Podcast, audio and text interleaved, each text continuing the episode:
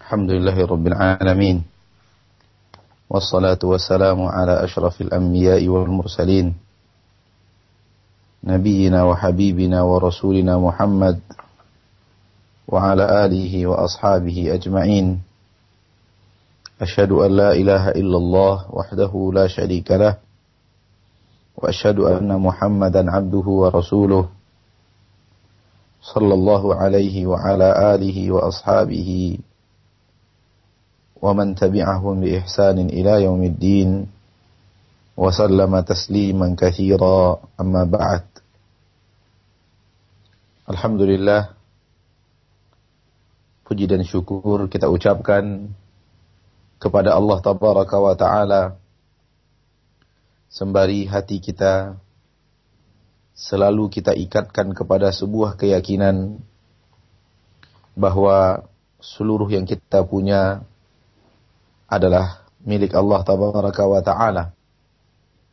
Dan kita hanya diberikan kesempatan untuk dibebankan amanah kepemilikan ketika kita hidup di permukaan bumi ini dan kita sadari dengan kesadaran yang sangat bahwa amanah yang Allah berikan di dalam kehidupan kita ini itu akan Allah minta pertanggungjawabannya di akhirat seluruh yang telah Allah berikan. Allah akan tanyakan kepada kita untuk apakah gerangan rahmat dan nikmat itu kita gunakan. Dan dengan apa rahmat dan nikmat itu kita raih dan kita gapai. Oleh karena itu tidak perlu dan tidak pantas adanya kesombongan dari dada seorang manusia atas apa yang dia miliki. Ketika kesombongan itu ada pada orang yang paling kaya di permukaan bumi ini Korun, Allah tabaraka wa taala melaknatnya. Dan apabila kita bandingkan apa yang telah Allah berikan kepada kita dengan apa yang telah Allah berikan kepada Korun, maka sungguh tidak ada bandingnya yang kita punya daripada apa yang dipunya oleh Korun. Secara bahasa duniawi kita mungkin akan berkata, kalau sedemikian besar yang dimiliki oleh korun, pantas dia untuk sombong. Akan tetapi ternyata ketika kesombongan itu ada, Allah tabaraka wa ta'ala melaknatnya. Oleh karena itu tidak pantas bagi kita yang tidak memiliki apa-apa. Apabila dibandingkan apa yang kita miliki dengan apa yang dimiliki oleh korun untuk sombong. Karena sesungguhnya kesombongan itu adalah hak milik Allah subhanahu wa ta'ala. Dan Allah tabaraka wa ta'ala tidak ingin hak miliknya dirampas, diambil oleh manusia. Hanya Allah tabaraka wa ta'ala Rabb yang berhak untuk menyombongkan diri. Al-mutakabbir. Subhanahu wa ta'ala. Karena ia pemilik seluruhnya. Ia pengatur segala alam semesta. Seluruh perintah yang ia perintahkan tidak ada yang bisa menghalanginya. Seluruh keinginannya tidak ada yang bisa menghadangnya akan tetapi Allah tabaraka wa taala maha adil di atas seluruh keinginan dan perintahnya subhanahu wa ta'ala. Kaum muslimin dan muslimat di mana pun antum berada rahimani wa rahimakumullah. Pada pertemuan yang lalu kita telah berbicara tentang iman kepada apa-apa yang telah Allah tabaraka wa taala sampaikan tentang dirinya daripada sifat. Di dalam kitabullah azza wa jalla Al-Qur'an dan iman tentang apa-apa yang disampaikan Rasulullah sallallahu alaihi wasallam tentang Allah daripada sifat yang ada di dalam sunnah Rasulnya tercinta Sallallahu Alaihi Wasallam. Bahwa kaum muslimin wajib untuk mengimani seluruhnya. Seperti yang disampaikan Allah Tabaraka wa Taala. Dan seperti yang disampaikan oleh Rasulullah Sallallahu Alaihi Wasallam. Keimanan seorang hamba akan apa yang disampaikan oleh Al-Khaliq dan keimanan seorang umat kepada apa yang disampaikan oleh seorang Rasul. Dan hendaknya kita tidak berbicara tentang Allah, nama dan sifat-sifatnya, kecuali apa yang termaktub di dalam Al-Quran di dalam sunnah Rasulullah sallallahu alaihi wasallam. Hanya itu dua sumber yang ada di dalam sunnah. Hanya itu sekali lagi dua sumber yang dimiliki oleh ahlu sunnah untuk menetapkan untuk Allah nama dan sifat. Barang siapa yang keluar daripada dua sumber itu, maka dia berbicara tentang Allah tanpa ilmu. Dan ini adalah kesesatan, bahkan ini adalah induk daripada kesesatan di permukaan bumi, sumber dari seluruh kesesatan di permukaan bumi, sebagaimana yang disampaikan oleh para ulama, adalah al-qawlu ala Allahi bighairi ilm. Berbicara tentang Allah tabaraka ta'ala tanpa ilmu. Dan ilmu adalah petunjuk. Dan petunjuk kita satu-satunya adalah kitabullah dan sunnah Rasulullah sallallahu alaihi wasallam. Dan kita telah sampaikan pada pertemuan kita sebelumnya bahwa akal manusia tidak bisa menetapkan sesuatu tentang Allah karena ia pernah bertemu dengan Allah.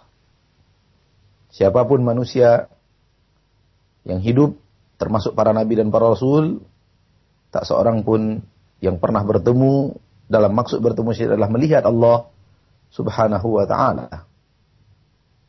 Adapun kalau bertemu tanpa melihat dan hanya mendengarkan firman-firman Allah secara langsung itu dimiliki oleh dua orang nabi, dua orang rasul, dua orang nabi dan rasul yang kita maksud yaitu Nabi Muhammad sallallahu alaihi wasallam dan Nabi Isa alaihi salam. Oleh karena itu kedua nabi ini, kedua rasul ini disebut kalimah Allah. Orang yang telah berbicara langsung Allah Subhanahu wa taala kepadanya. Masyaallah muslimin dan muslimat. Kita lanjutkan apa yang disampaikan oleh Syekhul Islam Ibn Taimiyah setelah mengatakan wa minal imani billah Al-imanu bima wasafa bihi nafsah fi kitabihi wa bima wasafahu bihi rasuluhu Muhammadun sallallahu alaihi wasallam. Di antara iman kepada Allah adalah beriman dengan apa-apa yang Allah Subhanahu wa taala memberikan sifat untuk dirinya di dalam kitabnya yaitu Al-Qur'an dan dengan apa-apa yang telah disifati Allah oleh Rasulnya Muhammad Sallallahu Alaihi Wasallam. Ini pembicaraan kita minggu yang lalu, pekan yang telah berlalu. Kemudian beliau melanjutkan min ghairi tahfi min ghairi tahrifin wala ta'til wa min ghairi takyifin wala tamthil. Iman kita terhadap sifat-sifat tersebut min ghairi tahrifin tanpa dirubah-rubah. Wala ta'til. Tanpa dikosongkan dan ditiadakan. Wa min ghairi takyifin wala tamthil. Dan tanpa dikaifiat-kaifiatkan. Dan juga tanpa dimisal-misalkan. Ma'asyal muslimin wal muslimat rahimani wa rahimakumullah. Beliau Syekhul Islam Ibnu Taimiyah rahimahullah di dalam lafaz ini di dalam ungkapan beliau ini ingin membedakan manhaj ahlu sunnah wal jamaah di dalam sikap mereka terhadap bab-bab asma wa sifat dengan sikap-sikap yang diambil dan jalan-jalan yang ditempuh oleh ahlul bid'ah. Karena sebahagian ahlu bid'ah mentahrif. Tidak menetapkan untuk Allah nama dan sifat seperti yang telah Allah tetapkan dan Rasul tetapkan di dalam Al-Quran dan Sunnah. Akan tapi mereka merubah-rubah hal tersebut. Sebagian yang lainnya mentaktil, meninggalkan apa yang dikatakan oleh Allah dan apa yang dikatakan oleh Rasul dan mengosongkan Allah dari apa yang telah Allah sampaikan tentang dirinya dan dari apa yang telah disampaikan oleh Rasulullah SAW tentang Allah. Mereka meniadakannya dan tidak meyakininya. Sebahagian ahlu bid'ah membuat kaifiat-kaifiat untuk Allah tabaraka wa ta'ala yang tidak ada di dalam Al-Quran dan tidak ada di dalam Sunnah dan sebagian lainnya memisalkan Allah tabaraka wa taala dengan sesuatu daripada makhluk. Dan semua perbuatan ini bukanlah perbuatan yang diridhoi oleh Allah Subhanahu wa taala. Kewajiban kita sebagai seorang makhluk ciptaan Allah dan kebagian eh, ke, dan kewajiban kita sebagai seorang umat dari seorang rasul adalah atas lim menerima dengan sepenuhnya apa yang telah Allah putuskan dan apa yang telah Rasulullah sallallahu alaihi wasallam sampaikan. Dan ini adalah syarat daripada iman. Allah berfirman dalam surah An-Nisa, "Fala wa rabbika la yu'minun hatta yuhakimuka fima shajara bainahum, thumma la yajidu fi anfusihim harajan mimma qadait wa yusallimu taslima." Maka demi Rabbmu, mereka tidak beriman. Sampai mereka menjadikan engkau hakim. Engkau hai Rasul, mereka jadikan hakim pemutus perkara dari apa-apa yang terjadi perseteruan di antara mereka. Thumma la fi anfusihim harajan qadait. Kemudian hati mereka tidak pernah risau dan galau dan tidak menerima apa yang kau putuskan wa yusallimu taslima dan mereka berserah diri sebenar-benar berserah diri. Di dalam ketaatan kepada Allah, kewajiban seorang hamba kepada Allah adalah berserah diri dan menerima apa pun yang Allah terangkan dan apa pun yang Rasulullah Sallallahu Alaihi Wasallam terangkan. Dan di antara hal besar yang Allah terangkan, di antara perkara yang sangat agung Bahkan ia adalah yang paling agung yang diterangkan oleh Allah dan Rasulnya adalah apa yang Allah terangkan kepada kita tentang dirinya. Nama dan sifatnya. Dan apa yang diterangkan oleh Rasulullah SAW kepada kita tentang Allah, nama dan sifatnya. Pengenalan Al-Khaliq adalah sesuatu yang sangat agung. Bahkan dia sesuatu yang paling agung karena tidak ada yang lebih mulia dari Allah dan ilmu, keagungan dan kemuliaannya akan bergantung kepada apa yang dipelajari dengan ilmu tersebut. Ketika ilmu tentang asma wa sifat adalah ilmu yang berbicara tentang Allah, maka tidak ada yang lebih agung, tidak ada yang lebih mulia, tidak ada yang lebih besar, tidak ada yang lebih sempurna, tidak ada yang maha segala-galanya melebihi Allah Subhanahu wa taala. Oleh karena itu ilmu tentang Allah subhanahu wa ta'ala adalah ilmu yang paling mulia di permukaan bumi. Akan tetapi, kita harus menerimanya dengan sempurna. Penyerahan diri total atas apa yang Allah terangkan tentang dirinya dan apa yang telah Rasulullah terangkan tentang Allah subhanahu wa ta'ala. Oleh karena itu sikap dan jalan yang ditempuh tidak menerima ini dan kemudian merubahnya. Atau melakukan sesuatu yang tidak pernah diperintah.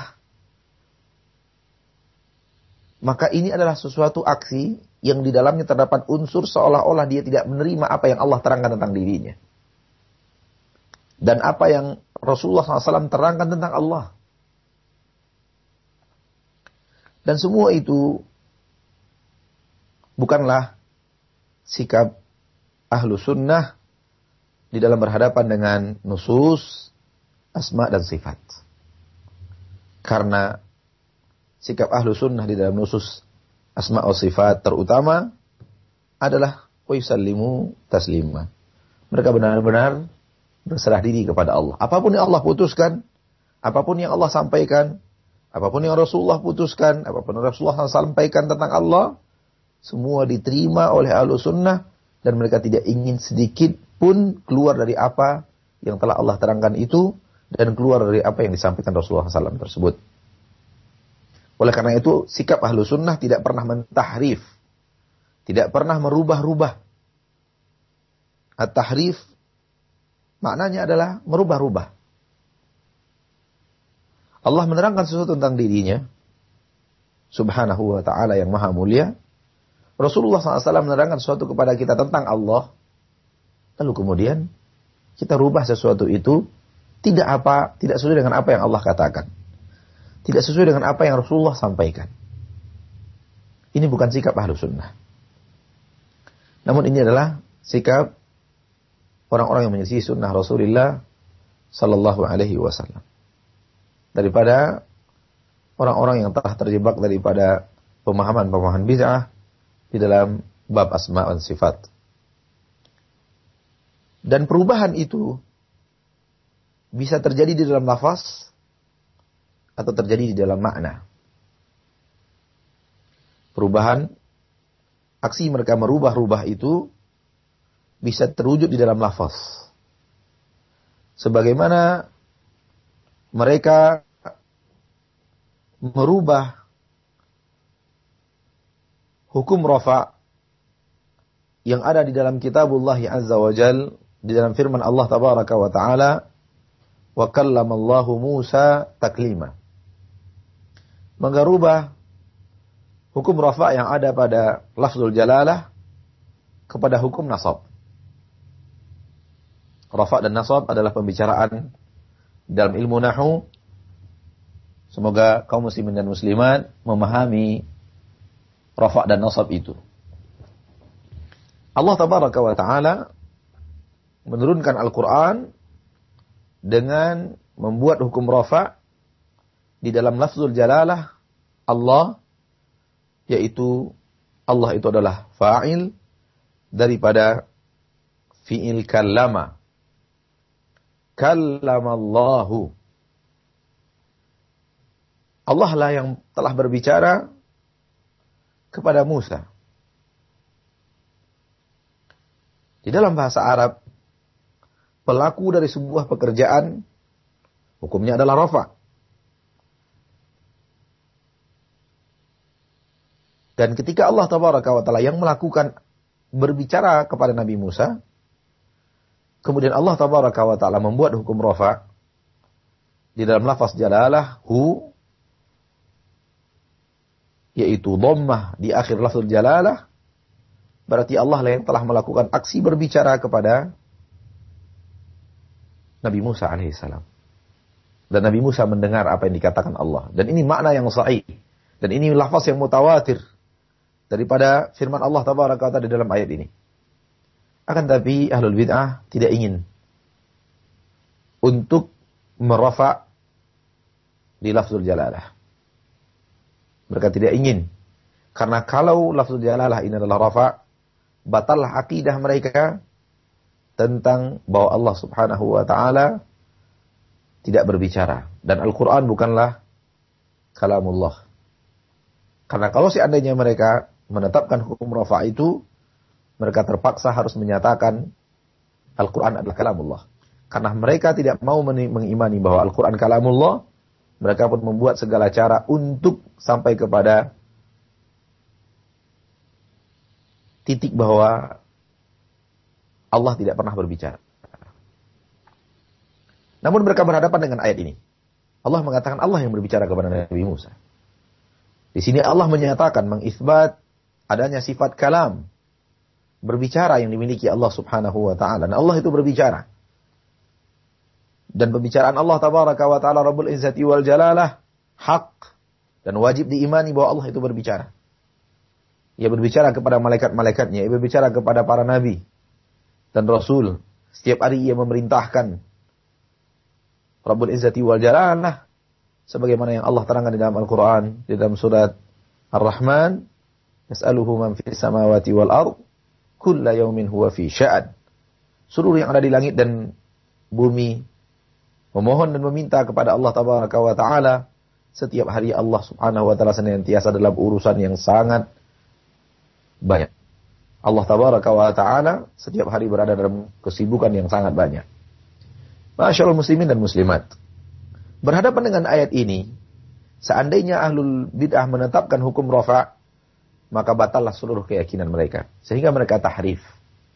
Mereka rubah hukum rafa itu menjadi hukum nasab. Wa kallamallaha. Hu yang ada di dalam ayat hukum rafa mereka rubah menjadi ha yaitu hukum nasab. Yang dengannya makna berubah. Berubah baris dari awalnya dhammah menuju fathah merubah makna. Kalau seandainya tadi hukumnya adalah rafa dan dhammah maka Allah berbicara makna ayat Allah berbicara kepada Nabi Musa. Namun ketika merubah, mereka merubahnya dengan nasab makna berubah. Nabi Musa berbicara kepada Allah. Nabi Musa berbicara kepada Allah. Sehingga dengan ini, mereka tetap bisa mendukung kebatilan mereka untuk menyatakan bahwa Al-Quran bukanlah kalamullah. Ini aksi daripada merubah lafaz. Dan sejauh yang kita tahu secara pribadi, ilmu yang sangat sempit, Inilah aksi daripada ahlul bid'ah pada umat Nabi Muhammad SAW yang merubah-rubah lafaz. Adapun merubah makna, maka contoh lebih banyak daripada merubah lafaz. Ahlul sunnah tidak pernah berani melakukan perubahan-perubahan itu. Karena mereka adalah orang seperti yang kita katakan tadi yang senantiasa menerima apa pun tanpa terkecuali yang datang dari Allah Subhanahu wa taala dan dari Rasulullah SAW. Bukan berarti mereka tidak berpikir. Bukan berarti mereka tidak menggunakan logika sehingga main iman saja. Akan tapi karena keyakinan mereka yang sangat kokoh. Iman mereka yang sangat mendasar bahwa Allah tidak mungkin salah dan Nabi Muhammad SAW tidak mungkin keliru. Yang mungkin salah, yang sangat mungkin keliru adalah akal manusia. Maka ahlu sunnah di dalam berhadapan dengan nusus Al-Quran dan sunnah tidak menjadikan akal mereka sebagai peng, penghakim, pemutus kebenaran Al-Quran dan sunnah. Tidak. Mereka meletakkan akal mereka setelah Al-Quran dan sunnah. Mereka meletakkan logika mereka mengekor kepada Al-Quran dan Sunnah.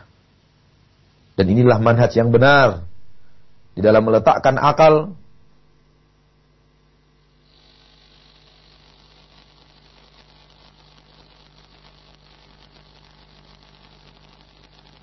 dengan logika kita. Seandainya sesuai kita terima, seandainya tidak sesuai kita coba rubah yang bisa sesuai dengan logika dan pemahaman kita.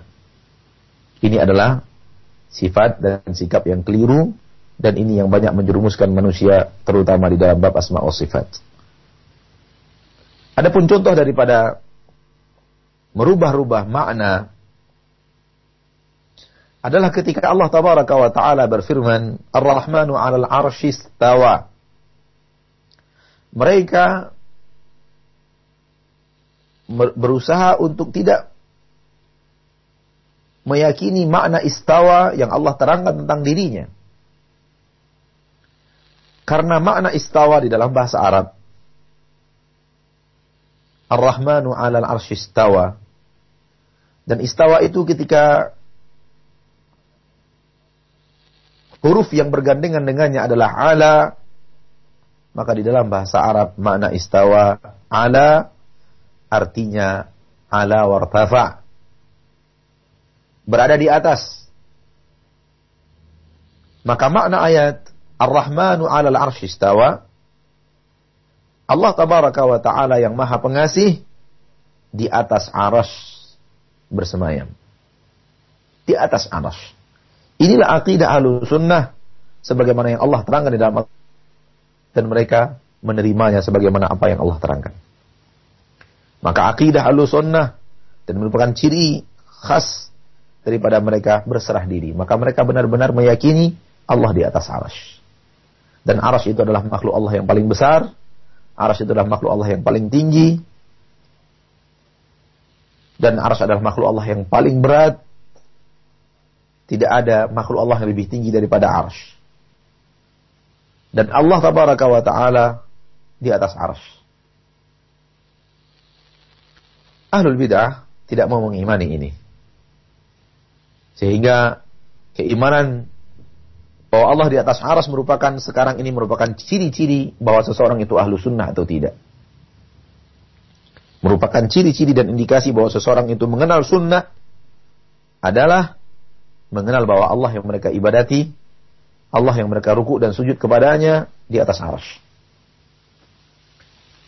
Bukan di mana-mana, sebagaimana yang banyak diyakini oleh kaum muslimin.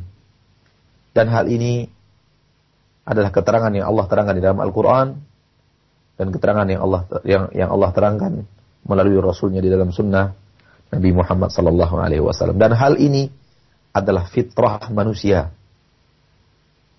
Hal ini adalah fitrah manusia. Masyaallah muslimin wal muslimat. Fitrah kita apabila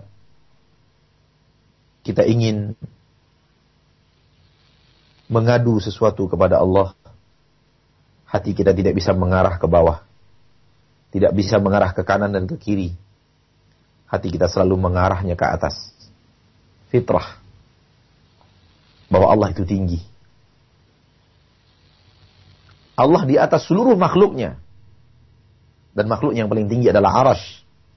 Inilah aqidah halusunnah. Hati kita selalu menghadap menegarah ke atas.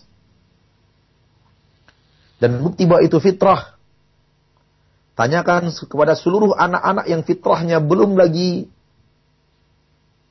dibolak-balikkan oleh keadaan di sekelilingnya. Oleh orang tuanya. Oleh guru-gurunya di sekolah dan madrasah. Ketika anak itu masih berbicara sesuai dengan apa yang ada di dalam dadanya ketika dia masih berumur tiga tahun, empat tahun, lima tahun. Tanyakan kepada anak kecil itu yang masih berada di atas fitrah, yang masih merupakan kertas putih.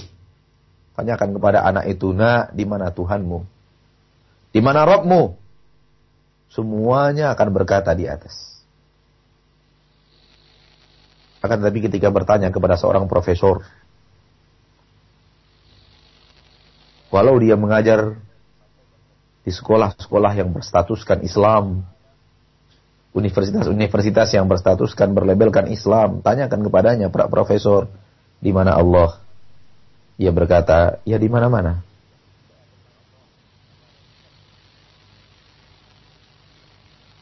Fitrah manusia tidak bisa mengatakan Allah di mana-mana. Saudaraku, saudariku, Anda ketika ini berdoa kepada Allah, ke mana hati Anda menuju? Ke atas. Karena Allah itu maha tinggi.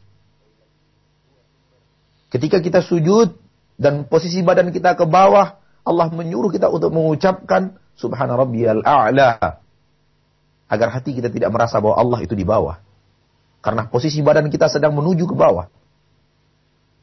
Allah perintahkan kita untuk mengatakan subhana rabbiyal a'la, maha suci Rabbku yang maha tinggi.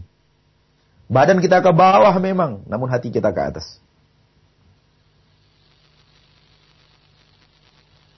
Karena Allah Rabb yang kita ibadati, dan yang kita rukuk dan sujud kepadanya di atas. Di atas aras.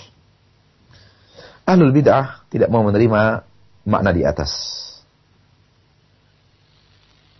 Sehingga mereka harus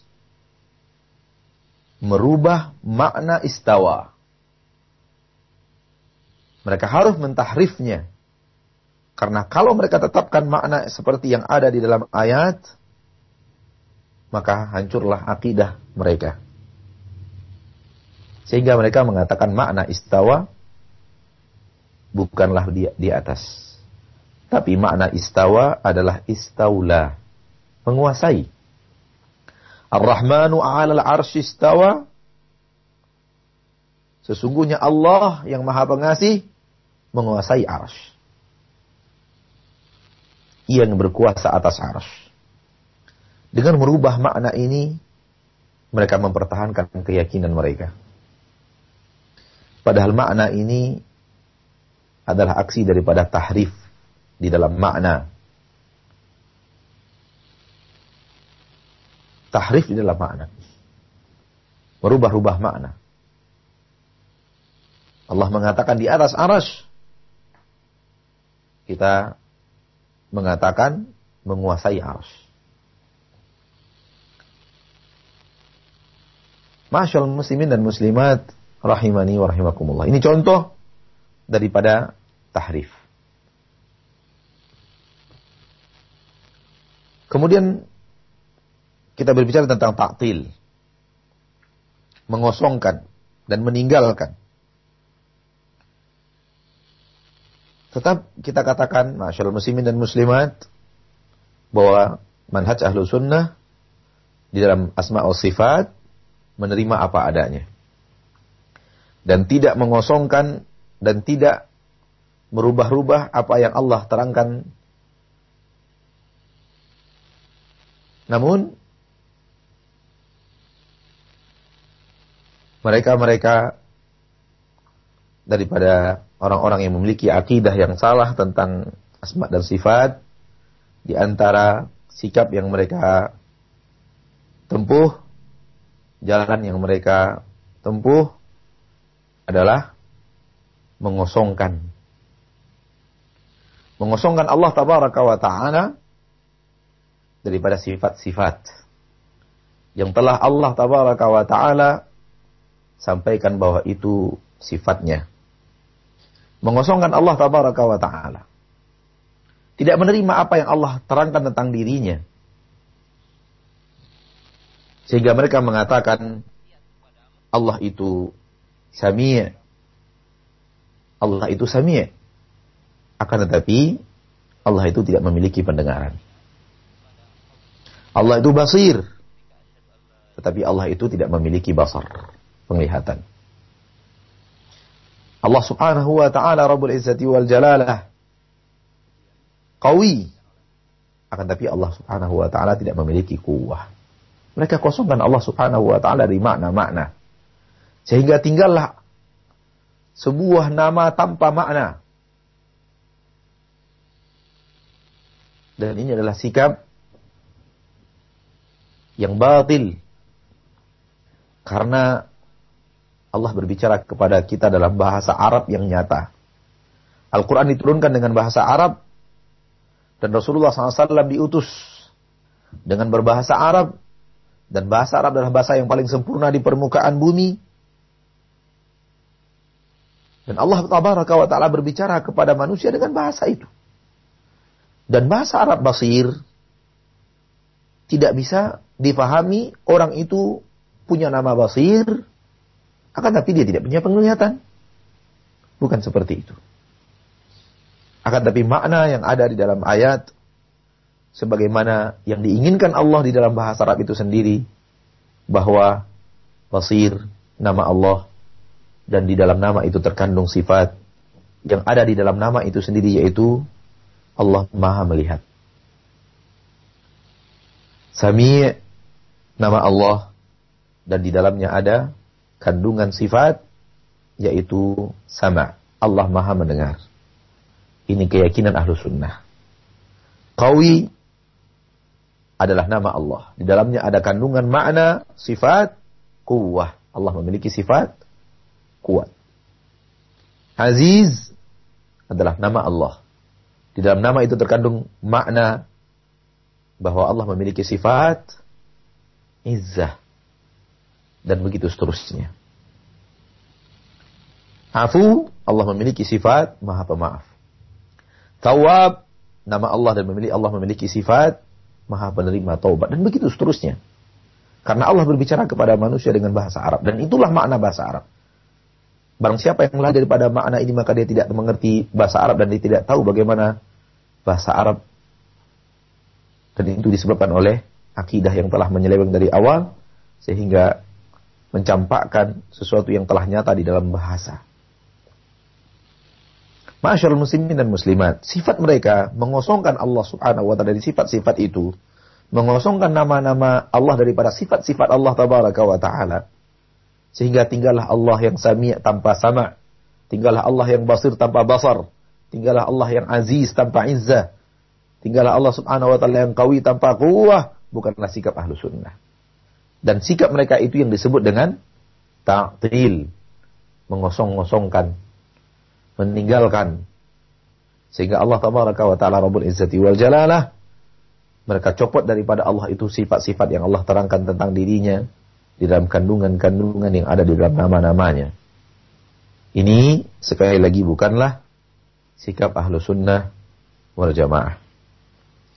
Yang ketiga adalah apa yang beliau sampaikan min ghairi takyif tanpa membuat perumpamaan-perumpamaan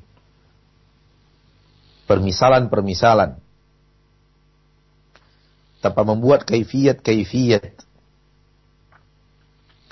yang tidak ada di dalam Al-Quran dan tidak ada di dalam Sunnah. Wala tamfil. Akidah sunnah juga tidak pernah memisal-misalkan membuat sesuatu yang semisal dengan Allah Subhanahu wa taala. Memisal-misalkan Allah seperti makhluknya. Perbedaan antara takyif dan tamfil adalah tamfil bahkan Allah dengan sesuatu yang sesuatu itu telah ada makhluk yang memiliki sesuatu sifat makhluk yang memiliki sesuatu yang dimiliki oleh makhluk lalu kita katakan Allah Subhanahu wa taala seperti makhluk itu. Itu tamfil. Adapun takyif membuat sesuatu permisalan tentang Allah namun sesuatu yang dikarang yang tidak ada contohnya dan tidak ada sesuatu yang sama dengannya. Ini permisalkan Allah dengan sesuatu. Namun tamfil adalah memisalkan dengan sesuatu yang telah ada daripada makhluk. Apabila orang mengatakan tangan Allah seperti tangan saya, Allah berjalan seperti jalannya saya, Allah turun seperti turunnya seorang raja dari mimbar,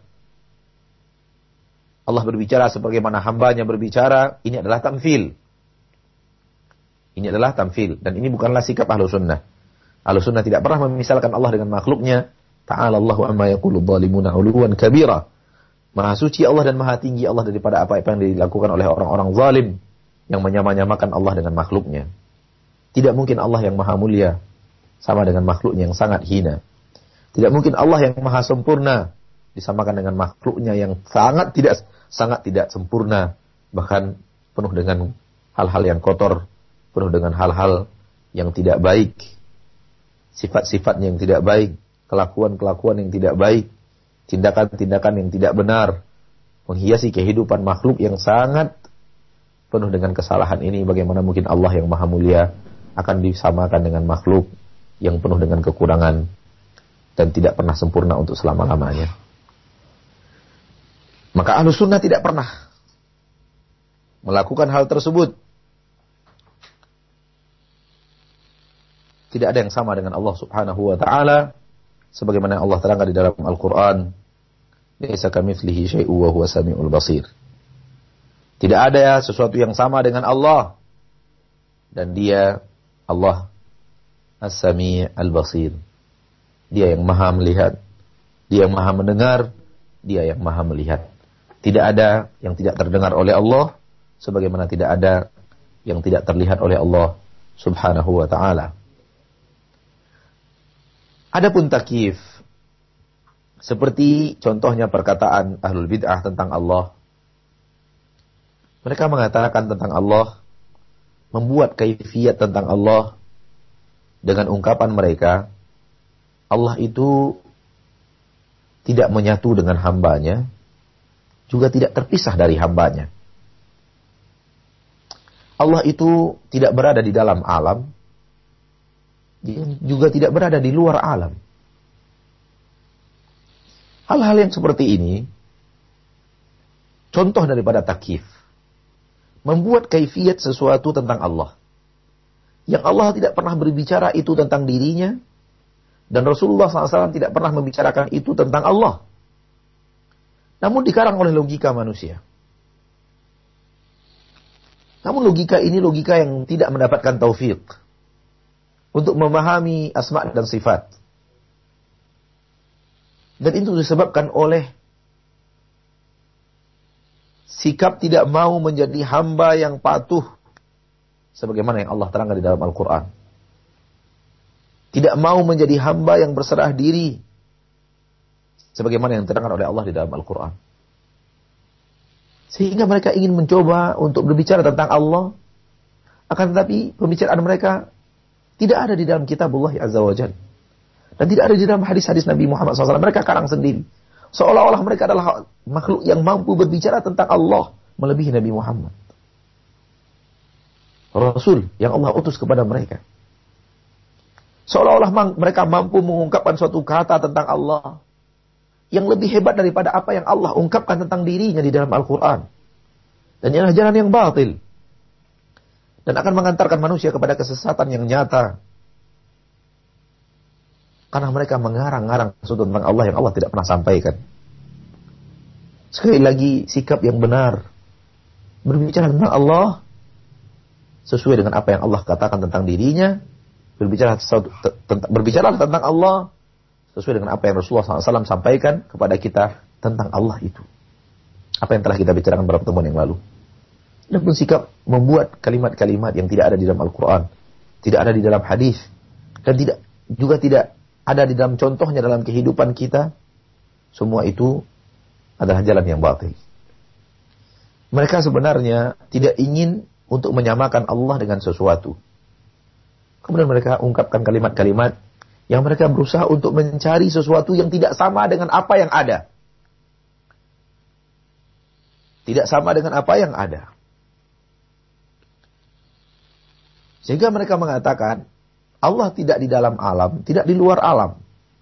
Karena kalau mereka mengatakan Allah ada di dalam alam, berarti mereka menyamakan Allah dengan makhluk yang ada di dalam alam, alam dunia ini. Di dalam bumi ini. Namun kalau mereka mengatakan di luar, akan sama dengan makhluk yang ada di luar. Sehingga kata mereka, jalan yang paling bagus berbicara tentang Allah tidak di dalam alam, tidak di luar alam. Jalan yang batil, dikarang-karang sendiri oleh akal manusia. Oleh karena itu sikap kita sekali lagi ya, ma'asyal muslimin dan muslimat di mana pun antum berada rahimani rahimakumullah menyerahlah kepada Allah dengan penyerahan diri yang sempurna. Berbicara tentang Allah sesuai dengan apa yang Allah terangkan tentang dirinya. Berbicara tentang Allah sesuai dengan apa yang disampaikan oleh Rasulullah SAW tentang Allah subhanahu wa ta'ala. Semoga apa yang bisa kita bicarakan pada pagi yang berbahagia ini. Bisa mendapatkan ridho Allah tabaraka wa taala Rabbul Izzati wal Jalalah dan mendapatkan taufik oleh dari Allah tabaraka wa taala.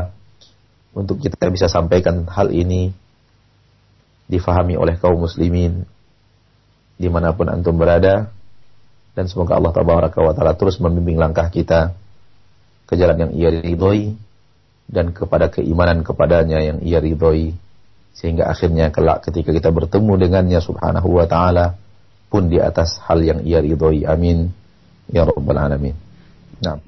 Terima kasih untuk Ustaz Jazakallah khairan atas materi dan pembahasan yang penuh manfaat di kesempatan pagi hari ini terkait dengan sikap yang benar, sikap ahlus sunnah wal jamaah di dalam memahami tauhid asma dan sifat. Semoga Allah Subhanahu wa taala memberkahi Al-Ustaz beserta keluarga dan menjaga Al-Ustaz. Berikutnya saudaraku seiman para pendengar Radio Roja dan Radio Hidayah FM 103,4 Pekanbaru juga para pendengar Radio Dakwah Ahlussunnah wal Jamaah lainnya. Kami undang Anda untuk berinteraksi, untuk bertanya kepada beliau dan di kesempatan pagi ini kami hanya menerima pertanyaan via pesan singkat saja. Silakan Anda hubungi kami atau kirimkan pesan singkat melalui nomor 0819896543. Baik Ustaz, satu penanya sudah uh, masuk dari uh, salah satu pendengar kita. Ada Bapak Andri di Jakarta yang bertanya, Ya Ustaz, golongan manakah yang telah melakukan ta'til dan golongan mana pula yang melakukan ta'wil ataupun tahrif uh, yang saat ini masih ada di uh, dunia Islam agar kami bisa menjauhinya. Lalu bagaimanakah hukum dari penyimpangan uh, penyimpangan tersebut? Apakah di antara mereka yang melakukan ta'wil, uh, ta'til dan ta'wil ini keluar dari keislaman? Jazakallah khairan ya Ustaz.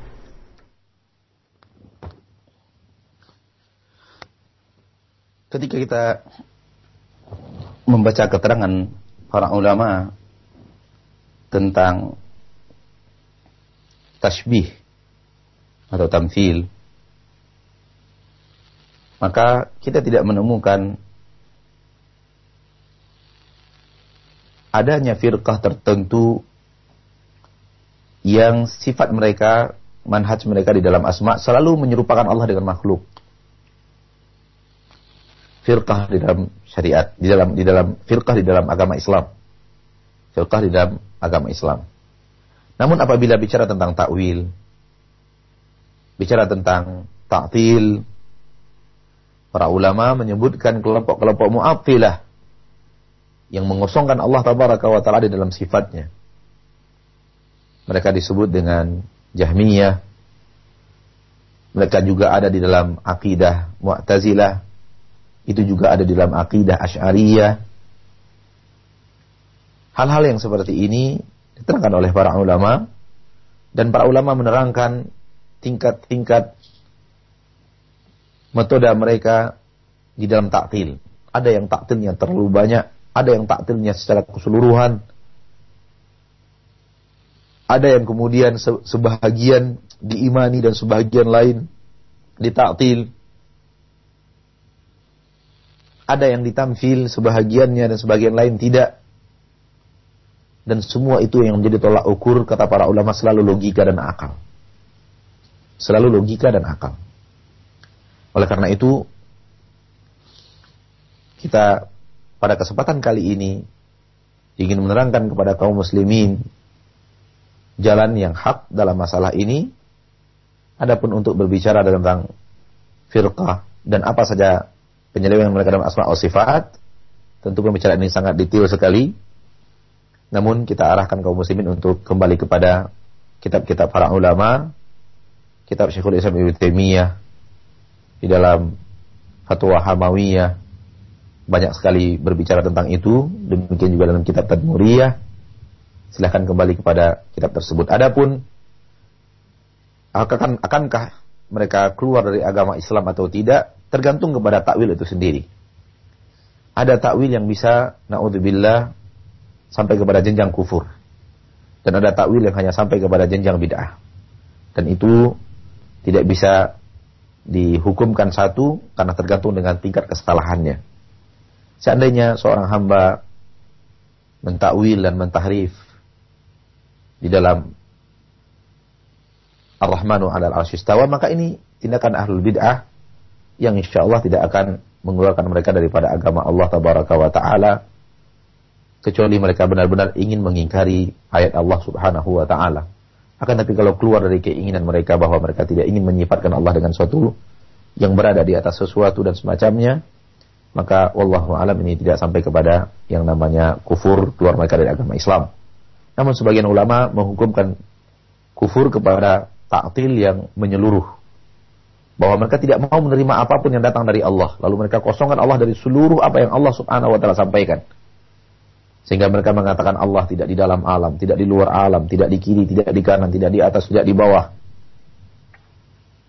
Sehingga mereka mengatakan, para ulama mengatakan orang ini ketika ingin menyifati Allah, memberikan suatu sifat kepada Allah dengan lari dari seluruh yang mereka khawatirkan di dalam tamfil, mereka masuk di dalam aksi seolah-olah Allah itu tidak ada.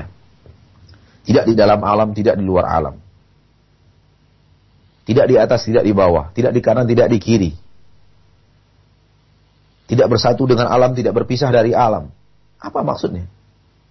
Dan apabila seseorang ditanya kepadanya, tolong sampaikan kepada kami definisi tentang sesuatu yang tidak ada. Tolong sampaikan definisi dari sesuatu yang tidak ada. Tidak ada. Apa definisinya? Maka definisi yang paling hebat adalah tidak di dalam alam, tidak di luar alam. Tidak di kanan, tidak di kiri. Tidak di atas, tidak di bawah. Tidak bersatu dengan makhluk, tidak juga tidak bersatu dengan makhluk. Sehingga mereka menyamakan Allah dengan sesuatu yang tidak ada. Naudzubillah min Mereka ingin lari daripada tasbih kan tapi menyamakan Allah dengan sesuatu yang tidak ada. Keyakinan-keyakinan ini bisa mengantarkan kepada kekufuran. Dan juga seperti tindakan sebagian daripada ahlul bidah untuk mengatakan bahwa Al-Quran bukanlah kalamullah juga dihukumkan kafir dan kufur bisa mengeluarkan dari agama Islam oleh para ulama. Apabila hujah telah ditegakkan dan mereka terus berada di atas itu, bisa mencerumuskan mereka ke dalam kekufuran kepada Allah Subhanahu wa taala. Sebagaimana perkataan Imam Ahmad di dalam dialog Imam Ahmad bersama mereka bahwa kata Imam Ahmad in kultu bima kultum la kafartu. Apabila aku berbicara seperti apa yang kalian bicarakan saya aku kafir. Keluar agama Allah taala. Imam Ahmad meyakini bahwa bicara tentang Al-Quran bahwa dia bukanlah kalamullah bisa mengantarkan orang ke dalam kekufuran. Waliyadzubillah. Oleh karena itu, eh, kesalahan diukur dengan titik dan derajat kesalahannya dan tidak bisa dipukul rata dalam satu hukum. Ini yang bisa kita sampaikan kita kembalikan kepada para ulama yang akan menghukumkan menghukumi tingkat kesalahan itu dan kita bertanya kepada mereka agar kita tidak mudah dalam mengkafirkan orang. Wallahu a'lam. Taib Ustaz, terima kasih jazakallah khairan atas jawabannya. Di kesempatan kedua ada pendengar kita uh, Ibu Nur Hasanah di Bekasi yang menyampaikan pertanyaan. Ustaz sebagai aplikasi dari iman kita bahwasanya Allah beristiwa uh, di arasnya dikaitkan dengan adab berdoa ya Ustaz. Apakah ada uh, tuntunan bagi kita ketika berdoa dengan menengadah ke langit? Karena saya ketika berdoa saya selalu menunduk dan tidak melihat ke atas langit dikarenakan rasa malu dan tidak bisa mengungkapkan kata-kata, hanya bisa berbicara di dalam hati saja. Jazakallah khairan ya Ustaz. Menengadah ke langit adalah hadap seorang makhluk kepada Allah. Menunjuk ke atas sebagai ungkapan bahwa Allah berada di atas adalah sunnah Nabi Muhammad sallallahu alaihi wasallam menunjuk ke langit. Kemudian dengan jadi telunjuk beliau yang mulia di padang Arafah. Kemudian setelah menunjuk ke langit, membalikkannya menunjuk ke bumi. Saya berkata, ketika telunjuk beliau ke langit, Allah Rasulullah SAW berkata, Ya Allah, Allahumma. Kemudian Rasulullah mengarahkan telunjuknya ke bumi. Saya berucap, ishad. Saksikanlah. Lihat Rasulullah SAW yang menunjuk ke langit saya berkata, Allahumma. Kemudian menurunkan tunjuknya ke permukaan bumi saya berkata, ishad, saksikan. Dan itu Rasulullah ulang beberapa kali. Maka hal tersebut adalah bagian daripada sesuatu yang tidak boleh diingkari karena itu perbuatan Rasulullah Sallallahu Alaihi Wasallam. Manusia yang dibimbing seluruh aksi dan tindakan dan perbuatannya oleh Allah Tabaraka Taala. Karena akan dijadikan sebagai suri tauladan yang terbaik bagi seluruh manusia. Adapun di dalam doa, masyarakat muslimin dan muslimat, boleh seseorang menengadahkan tangannya ke langit. Dan boleh seseorang juga tetap pandangannya tidak menengadah ke langit dan hal tersebut suatu hal yang diizinkan dan tidaklah mesti dalam doa itu ketika kita menganggap bahwa kepala kita juga harus mendongkak ke atas menatap langit wallahu taala alam. Jadi adab di dalam berdoa adalah e, mengangkat tangan adapun wajah wallahu alam boleh mendengar ke atas, boleh juga tidak. Ini yang kita ketahui wallahu alam. Baik Ustaz, terima kasih jazakallah atas uh, jawabannya. Di kesempatan ketiga kita angkat dari pesan singkat kembali. Ustaz barakallahu fiiki di Al-Qur'anul Karim uh, ada ayat yang menyebutkan ibtighaan uh, wajhillah uh, yang dimaknakan sebagai uh, mardatillah. Uh, bagaimanakah? Apakah ini merupakan takwil yang diperbolehkan dan bagaimana kita membedakan antara takwil yang diper, yang tidak boleh dan yang dibenarkan. Jazakallah khairan. Masyaallah muslimin dan muslimat. Ibtigha wajhillah mengharapkan wajah Allah itulah maknanya yang benar. Itulah makna yang benar di dalam ibtigha wajhillah. Mengharapkan wajah Allah. Dan makna yang diinginkan di dalam ayat ini mengandung ridho Allah. Karena hanya orang-orang yang Allah ridhoi yang Allah masukkan ke dalam surga dan di dalam surgalah seorang insan bisa bertemu dengan Allah dan bisa melihat kepada wajah Allah Subhanahu wa taala. Semoga Allah memilih kita menjadi hamba-hamba yang bisa bertemu dengannya dan melihat wajahnya Subhanahu wa taala. Amin ya rabbal alamin. Masyaallah muslimin akan tetapi hanya sampai kepada menerjemahkan ibtigha wajhillah kepada terjemahannya hanya kepada mengharapkan ridho Allah adalah terjemahan yang kurang. Terjemahan yang kurang. Maka terjemahan yang benar adalah mengharapkan wajah Allah. Dan mengharapkan wajah Allah adalah berharap masuk surga dan bertemu dengan Allah. Dan mendapatkan kesempatan untuk melihat Allah subhanahu wa ta'ala Rabbul Izzati wal Jalalah.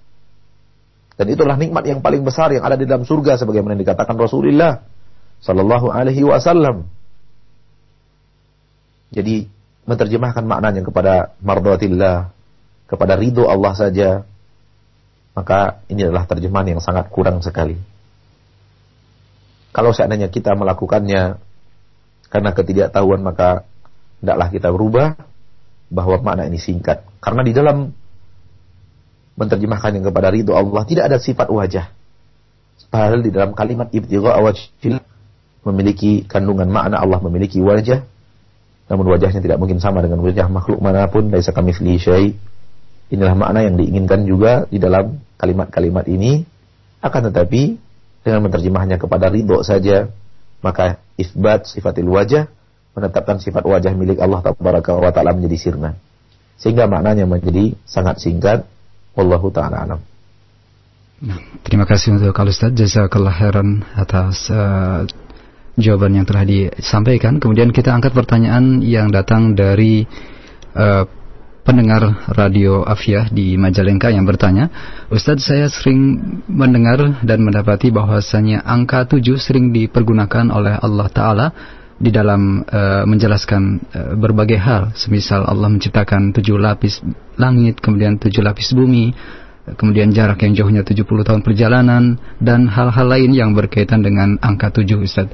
Uh, apakah dengan demikian kita uh, dibolehkan untuk memberikan perhatian khusus uh, terhadap angka tujuh ini dan bagaimana uh, kita menyikapinya? Terima kasih Ustaz. Jazakallah khairan. Kalau kita berbicara dengan hal yang seperti ini, maka kita pun akan tampil dengan angka-angka yang beraneka ragam. Kita pun akan mengatakan bahwa Allah wa taala esa, yaitu tunggal. Dan Allah menjadikan solat-solat witir yang mulia tunggal. Witir. Satu juga. Satu rakaat. Kemudian Allah tabaraka wa ta'ala hanya mengutus untuk umat akhir zaman satu orang rasul. Kemudian kita juga akan berbicara tentang angka dua. Allah tabaraka wa ta'ala menjadikan salat yang paling panjang subuh. Angkanya dua, dua rakaat. Allah juga subhanahu wa ta'ala menjadikan salat-salat lain yang sangat banyak. Dua rakaat, dua rakaat. Angka dua. Hal-hal yang seperti ini bukanlah sikap ahlu sunnah wal jamaah.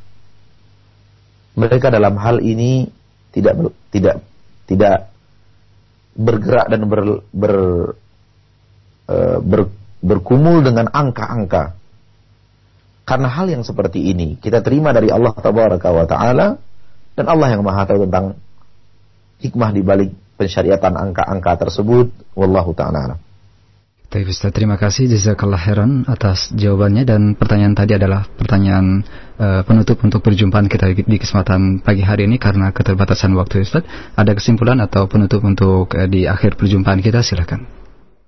Masyaallah muslimin dan muslimat rahimani wa rahimakumullah. Allah menciptakan untuk kita akal dan akal itu adalah bahagian daripada ciptaan yang paling berharga untuk manusia. Akan tetapi akal itu tidaklah diciptakan agar kita kemudian dengan akal itu kita lari daripada keterangan-keterangan Allah tentang dirinya dan keterangan-keterangan Rasulullah tentang Allah Subhanahu wa taala. Tapi pergunakanlah akal itu untuk menerima apa yang datang dari Allah dan untuk menerima apa yang datang dari Rasulullah SAW. Kemudian kita mendidik akal kita untuk bisa memahami apa yang diinginkan Allah, apa yang diinginkan Rasulullah, tanpa harus mencampakkannya, tanpa harus merubah-rubah maknanya, tanpa harus menolak kedatangan maknanya dan lafaznya. Semoga Allah tabaraka wa taala menjadikan kita orang-orang yang memang di dalam kehidupannya berpegang teguh dengan Al-Qur'an dan Sunnah dan indah jalan keselamatan dan jalan aman daripada kesesatan. Wassallallahu wasallam wa baraka wa an'ama ala abdihi wa rasulihi Muhammad. Subhanakallahumma rabbana bihamdika asyhadu an la ilaha illa anta astaghfiruka wa atubu ilaik. Assalamualaikum warahmatullahi wabarakatuh.